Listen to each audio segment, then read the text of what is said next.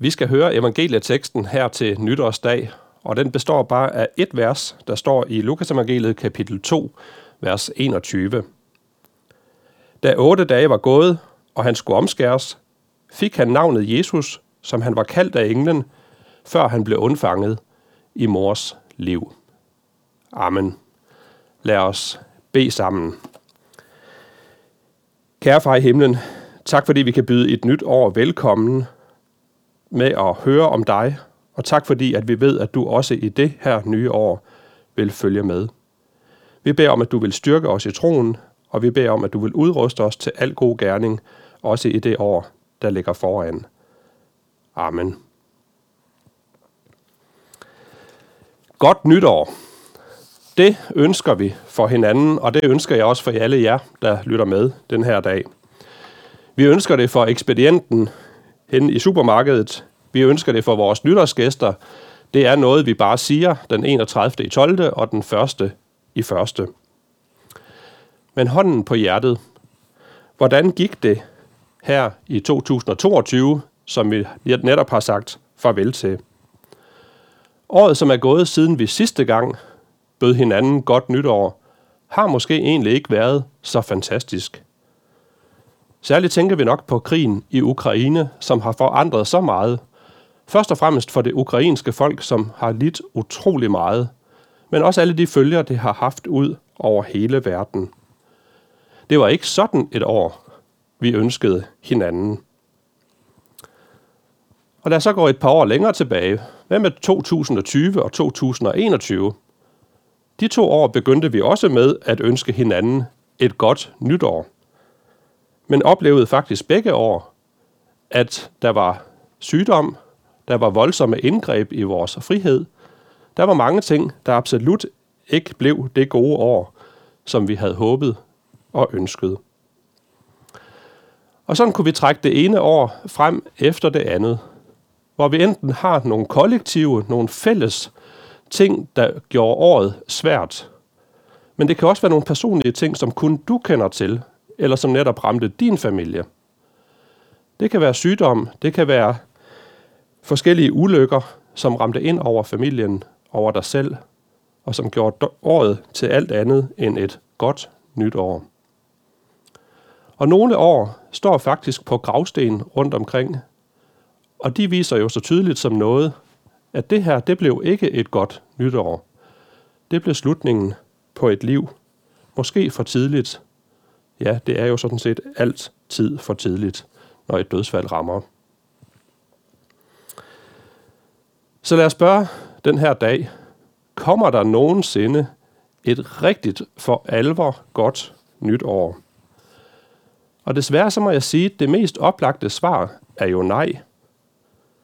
Livet det er ikke sådan en Hollywood feel-good film, hvor den lykkelige slutning den simpelthen er fuldstændig sikker, fordi filmen er lavet sådan. Den er altid sat sammen, så det ender godt. Men sådan er virkeligheden ikke. Og hvis vi tør at se virkeligheden i øjnene, så ved vi det godt. For vi får så mange nyheder som aldrig før. Vi hører om mennesker, der ikke får en chance. De fødes ind i fattigdom, sult eller sygdom. De vokser op i områder med krig, med alt hvad det fører med sig. Vi hører om mennesker, der bliver udnyttet af kyniske bagmænd. Mennesker, der bliver aborteret, før de ser dagens lys. Nej, der er sandelig ingen garanti for en lykkelig slutning. Ja, måske ikke engang for en lykkelig begyndelse. Har man et ateistisk livssyn, og det er der mange danskere, der siger, de har, så har man faktisk også fraskrevet sig muligheden for, at det kan blive godt efter døden. For der findes jo ikke noget efter døden. Men mindre man snyder lidt, og så alligevel regner med et eller andet form for guddommelig indgreb, når man ikke skal være her længere. Der er ingen Gud, der har sat mig ind i denne verden, der er ingen Gud, der følger mig gennem livet, og der er ingen Gud, der kan gribe mig, når livet er slut. Alle tanker om et liv efter døden afhænger jo af, at Gud er der. Så jeg spørger igen, kommer der et godt nytår? Et godt nytår, hvor alt er godt. Hvor det virkelig bliver, som vi ønsker. Bruger jeg min erfaring, så må svaret blive nej. Det samme, hvis jeg bruger andres erfaring. Hvis jeg bruger de store historiebøger, hvor jeg kan læse om, hvad andre mennesker har erfaret ned igennem verdens historie, så er svaret også nej. Der har aldrig været sådan et helt igennem godt nytår. Og så vil jeg alligevel den her nytårsdag komme med det svar, som går stik imod al erfaring, min egen og andres, og så sige, ja, jeg tror, der kommer et godt nytår. Et rungende ja, og det afhænger af, at der er en levende Gud, som styrer verdens gang og som har al magt. Han har givet sig til kende for mennesker i sit ord, Bibelen, og jeg tror på, at det vil ske sådan, som det står der. Jeg behøver ikke gætte på, hvor jeg kommer fra. Jeg har Gud med i mit liv, skridt for skridt, år for år. Og jeg ved, hvor jeg skal hen, når jeg ikke skal være her længere. Det giver mig en tro på, at det ender godt. I den her ultrakorte tekst, der er den her dags evangelietekst, der viser Gud sig i et brandpunkt. Og vi kender jo et brandpunkt, det er der, hvor lyset samler sig lige nøjagtigt i et punkt, og hvor det hele det bliver fokuseret. Som alle jødiske drengebørn, så skal Jesus omskæres. Og det er på den 8. dag, en god uges tid efter fødslen. Og samme dag, der får han sit navn. Og forældre, de kan jo nogle gange være uenige om barnets navn, og de kan sidde og bruge lang tid på at finde ud af, hvad barnet skal hedde. Det er der ingen tvivl om i det her tilfælde.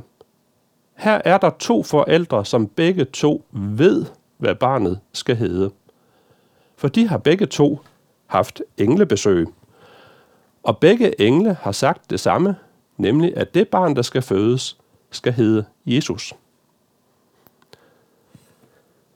Ikke et, men to englebesøg fra højeste sted. Barnet skal hedde Jesus. Og hos evangelieforfatteren Matthæus, der fortæller om, hvordan Josef får englebesøg, der hører vi også om, hvad det navn det betyder. For der ligger jo selvfølgelig en betydning i navnet. Navnet Jesus betyder, at Herren skal frelse sit folk fra deres sønder. Jesus betyder, Herren frelser. I den anden tekst, der er læst op til den her søndag, teksten fra det gamle testamente, der hører vi om, hvordan der igennem verdens historie ingen perfekte nytår har været, men hvor der heller ikke har været et eneste år, hvor Gud ikke har vist sig og givet sig til kende som den, der frelser. I teksten fra Gamle Testamente, der foregår 2000 år før Jesus, der hører vi om Abraham, der også får besøg af Gud, og hvordan det folk, han skal blive stamfar til, skal være bærer af budskabet om Guds frelse.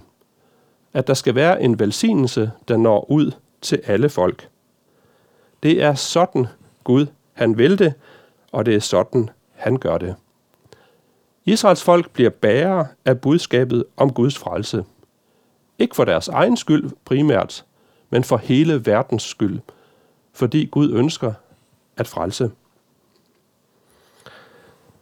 Nu er der jo noget selvmodsigende i, at et folk eller en person skal være bærer af Guds frelse. For hver enkelt af os, også Israels folk, har jo selv behov for frelse. Og hvordan kan vi så bære det budskab? Sådan gik det også. Israels folk havde svært ved at bære det, for, bære det budskab. Gang på gang så snublede de i opgaven. Gang på gang så blev det mere tydeligt, at de selv havde brug for frelse, end at de var bærere af budskabet om frelse. De havde selv brug for Herrens frelse.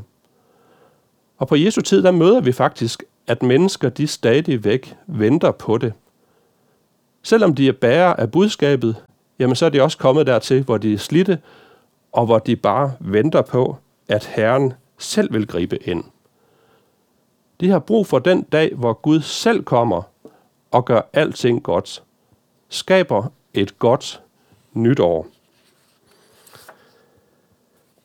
Det er faktisk sådan, at en måneds tid efter, at Jesus han får sit navn, der går hans forældre op i templet, og der møder de to ældre mennesker, Simeon og Anna, som er så tydelige eksponenter for det her. Det er mennesker, som bare går og venter på Herrens frelse. Det er deres store længsel. Det er det, de er fokuseret på. Om Gud dog ikke bare vil gribe ind. Sådan er det stadig. Nu står jeg her og er bærer af budskabet om Guds frelse. Men jeg lever selv af det budskab. Jeg har selv behov for det. Det er det budskab, der bærer mig. At Herren har grebet ind med sin frelse. Den person, der har skrevet en stor del af det nye testamente, er jo apostlen Paulus. Han har skrevet 13 breve, og han har skrevet ja, en stor del af det nye testamente. Det er tankevækkende, hvad han kalder sig selv. Han kalder sig selv for den største sønder. Altså, der er ikke nogen, der kommer op på siden af ham, når det gælder om at være et dårligt menneske. Men det diskvalificerede ham, ikke ham for at være bærer af budskabet om frelsen. Fordi det netop er et budskab om frelse. At det er Herren, der frelser. Så kan vi alle være med. Derfor forkynder vi også stadigvæk det budskab. Og derfor er det også så vigtigt, at det lyder her ved indgangen til 2023. Budskabet om Herrens frelse. Da hyrderne hørte budskabet julenat, der siger englene til dem, at det her, det må I altså ikke holde for jer selv. Det er et budskab, der gælder hele folket. Og derfor skal I gå ind til Bethlehem og fortælle, hvad det er, I har hørt og set den her nat. Sådan er det også i 23. Vi skal stadigvæk forkynde det her budskab, fordi det er afgørende for verden. Der er håb, fordi Herren frelser. Hvad kan stå i vejen for Herrens frelse? Ja, det kan din synd og din fortid ikke. Og det er jo et godt budskab. Paulus han var den største synder, så den plads er optaget. Derfor, uanset hvad det er, der plager dig i din nutid eller din fortid, der er ikke noget af det, som du ikke kan komme til Gud med. Men du kan afvise og have brug for en frelser. Og det er faktisk den store forhindring, der kan komme i vejen. Jeg hørte for nylig en undersøgelse, der viser, at i England, der er man for første gang i 1000 år nede under, at 50% af befolkningen kalder sig selv for kristne. Det er tankevækkende, at så mange mennesker i vores tid vender kristendommen ryggen. Og så netop i et land, hvor kongehus og regering og det hele, alle deres traditioner, er så tæt bundet op på kristendommen. Nu er der under 50 procent, der kalder sig selv kristne. Og det er faktisk ikke andre religioner, der vinder frem, men det er ateismen, at man ikke tror på noget. Mange mennesker oplever ikke behovet for Gud i deres liv. Det er ikke noget nyt. Da Maria får budskabet om, at hun skal føde Jesus, der siger englen til hende, at det her barn, det vil skabe modstand også. Og Maria, hun synger om det i sin lovsang. Om menneskeheden, der ligesom er delt op i to grupper. De mennesker, som ikke har en chance her i livet, men som søger hjælp hos Gud. Og så de mennesker, der er rige og mægtige og hovmodige, og som på alle måder tænker, at de godt kan klare sig uden en frelse. Jeg prøver at citere fra Marias lovsang. Hun synger, han har øvet vældige gerninger med sin arm, splittet dem, der er hovmodige i deres hjertes tanker. Han har styrtet de mægtige fra tronen og han har ophøjet de ringe. Sultne har han mættet med gode gaver, og rige har han sendt tomhændet bort. Jeg tror, Maria hun ser sig klart i den her situation, og hun synger så klart, fordi hun faktisk selv lige har oplevet det samme. At hun, en fattig pige, uden nogen midler, uden noget at byde ind med, får lov til at føde Guds søn. Det er en nåde ind over hendes liv, så det bobler bare ud af hende, at det er sådan er. At Gud han griber ind og frelser dem, der ikke selv kan. Og så har hun nok også tænkt, Jesus, det er det perfekte navn til det barn, som jeg skal føde. Der kan være mange grunde til, at du ikke søger Gud den her nytårsdag. Fordi du ikke regner med ham. Fordi du ikke kender ham. Fordi du er vokset op i et land, der forklarer alting med statistik og psykologi. Og når forklaringerne ikke slår til, jamen så bliver vi så tit bare lullet i søvn af underholdning på alle verdens platforme. De rige og de mægtige, de kan klare og forklare deres liv uden Gud. De får ikke glæde af Guds frelse. De lever uden Gud, og de går fortabt uden Gud. Men du, der har brug for Gud og kalder på ham, i hvilken som helst situation du er i, du går aldrig forgæves til Gud. For da Gud blev menneske, så var det under navnet Herren frelser. Herren frelser. Det er Guds navn. Han knytter sig selv til det at frelse. Og så har vi alle de vidunderlige beretninger om Jesus, da han vokser op, bliver mand, begynder sit virke, hvordan han faktisk møder mennesker og frelser mennesker på sin vej. Og der er så mange mennesker, der faktisk går galt af Jesus, sådan som vi hørte Maria synge det i sin lovsang. Mennesker, der på den ene og den anden måde synes, at livet kunne det da godt selv få til at fungere. Men hvor andre mennesker, der er gået til grunde i deres liv, og som søger Guds hjælp, aldrig går forgæves. Der er en beretning i Lukas evangeliet kapitel 7, nogle få sider længere frem i Bibelen, hvor Jesus kommer ind til en farisæer, og man mærker sådan en vis arrogance hos fejseren. At fejseren han kan godt selv, og det er ham, der har styr på situationen. Og så kommer der en kvinde ind, som på alle måder har et dårligt rygte i byen. Og hun kommer hen til Jesus og begynder at, ja, at, tør, og, og hælde olie på hans fødder og, og tørre den med sit hår, og på alle måder viser, at hun elsker Jesus. Så fortæller Jesus en lille lignelse, som jeg gerne kunne tænke mig at læse. Han siger til Simon farisæren, mens han ligesom har taget kvinden frem som et eksempel, og så siger han, Simon, jeg har noget at sige dig.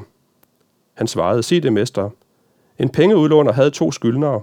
Den ene skyldte 500 denar, den anden 50. Da de ikke havde noget at betale med, eftergav han dem begge deres gæld. Hvem af dem vil så elske ham mest? Simon svarede, den han eftergav mest, vil jeg tro.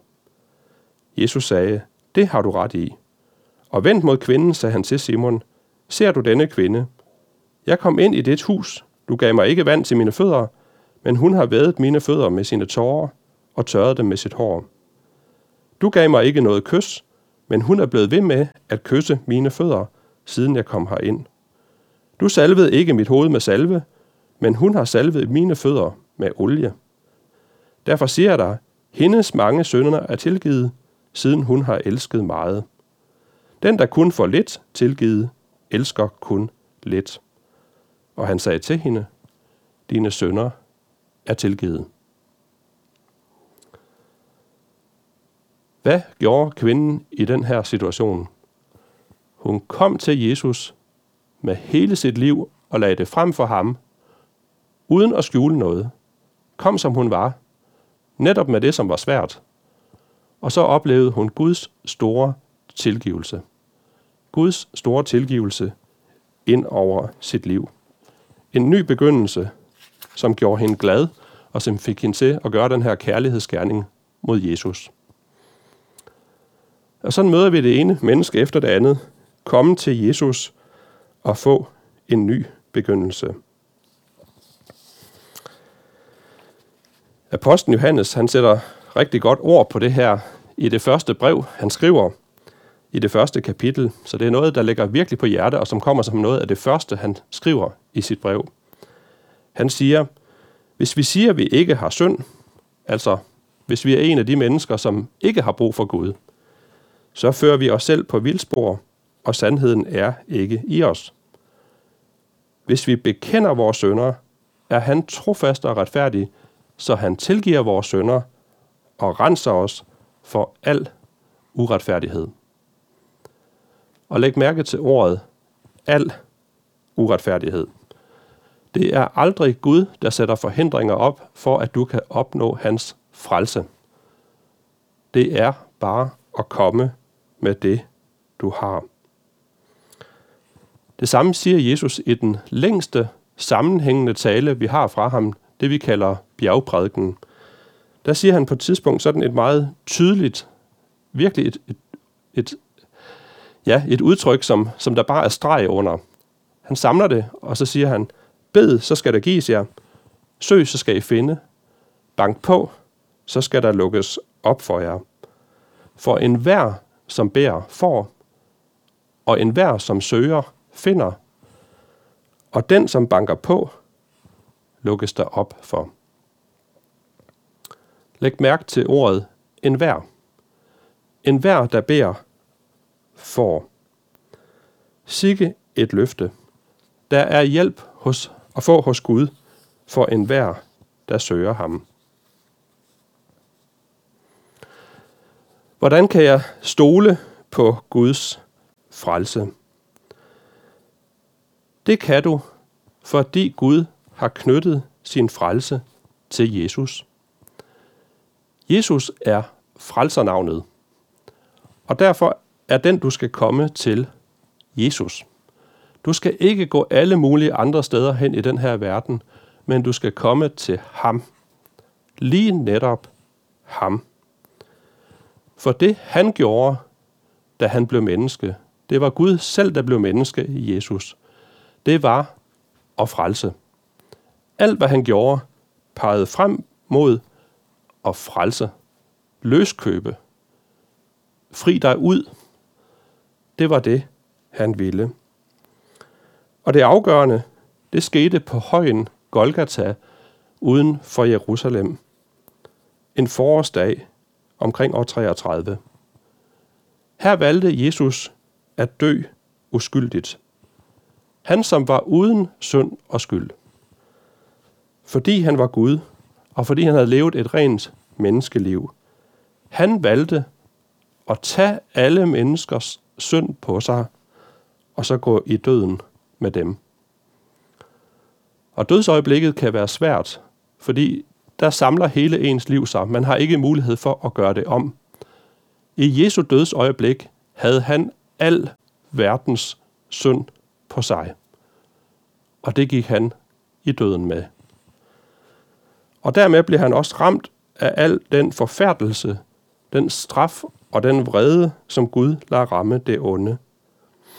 Jesus han blev straffet for alt det, som du og jeg og et hvert menneske i et hvert af verdens år har gjort forkert. Det lå på ham. Det blev ikke fejret ind under gulvtæppet. Det er jo ikke lige meget med det, der er forkert i denne verden. Vi ved jo, at det, der er forkert, det er det, der ødelægger verden. Det fejrer Gud ikke ind under gulvtæppet, men han lægger det på Jesus. Det ligger heller ikke og venter et eller andet sted derude som en trussel foran mig. Nej, det ligger på Jesus. Der ligger al verdens synd og skyld. Og derfor kan jeg stole på Guds frelse. Fordi der er taget hånd om det her. Der er taget hånd om min, min synd og min skyld. Alt det, jeg har gjort forkert, det ligger på Jesus. Han døde under straffen for det. Jeg kan ikke lade mig at tage mit yndlingsvers i Bibelen frem. Det er 1. Johannes brev, kapitel 4, vers 10, altså det samme brev, som jeg citerede fra før. Der siger Johannes, Deri består kærligheden. Ikke i, at vi har elsket Gud, men i, at han har elsket os og sendt sin søn som et sonoffer for vores sønder. Se, her er vi helt inde ved kernen i Guds frelse. Det handler ikke om, hvordan vi har elsket Gud, men i, at han har elsket os og sendt sin søn som et sonoffer for vores sønder. Her er du inde ved kernen af Herrens frelse. At være kristen er en underlig ting. Mange forbinder det med præstationer og krav. Og det er ganske rigtigt. Kristne taler tit om præstationer og krav. Og jeg tror, vi gør det, fordi Gud er jo fuldkommen. Gud viser os i sit ord, hvordan det rigtige liv det er. Vi har det stående i de ti bud. Vi kan måle os op på det. Og Gud han opfordrer os til at leve efter det. Han giver os faktisk et nyt bud. Det dobbelte kærlighedsbud, at vi skal elske Gud af hele vores hjerte og vores medmenneske som os selv. Så jo, kristendommen handler om høje krav. Men det begynder med en falit erklæring. Det begynder med, at du lægger kortene på bordet og siger, jeg kan ikke leve op til det. Jeg kan ikke. Jeg er et fejlende menneske. Jeg har brug for Herrens frelse. Der begynder et hvert kristen menneskes liv med Gud. Med en falit erklæring. Jeg kan ikke det, som jeg burde kunne. Jeg har brug for Herrens frelse. Derfor siger vi også, at tro, som jo er også et centralt udtryk i kristendommen, at tro, det er at komme til Gud. Det er at bede til ham. Det er at søge ham. Det er at banke på hos ham. Sådan får jeg lov til at skifte mit eget halvhjertede liv ud med en fuldkommen frelse. Det stiller mig ren for Gud. Det giver mig lyst til at tjene ham, og det giver mig lyst til at tjene mit medmenneske. Med den barmhjertighed og med den nåde, som jeg selv er blevet mødt med. Lad mig slutte, hvor jeg begyndte. Kommer det så, det nytår, hvor alting bliver godt? Ja, det kommer. Og det er helt og aldeles forbundet med Jesus. Ham, der bærer frelsernavnet. Tager du imod ham ved at tro på ham, så har du fred med Gud, og så skal du opstå til evigt liv. I det evige rige, som det skal være, der er der kun godt at være. Der skal vi ikke år efter år ønske for hinanden, at det må blive et godt nytår, med far for, at det ikke bliver det. Der vil der være et langt nytår, som bare er godt. Der står i den sidste bog i Bibelen, i det andet sidste kapitel, Gud vil tørre hver tårer af deres øjne, og døden skal ikke være mere. Ej heller sorg, ej heller skrig, ej heller pine skal være mere. For det, der var før, er forsvundet. Her er vi ved et, en helt ny begyndelse.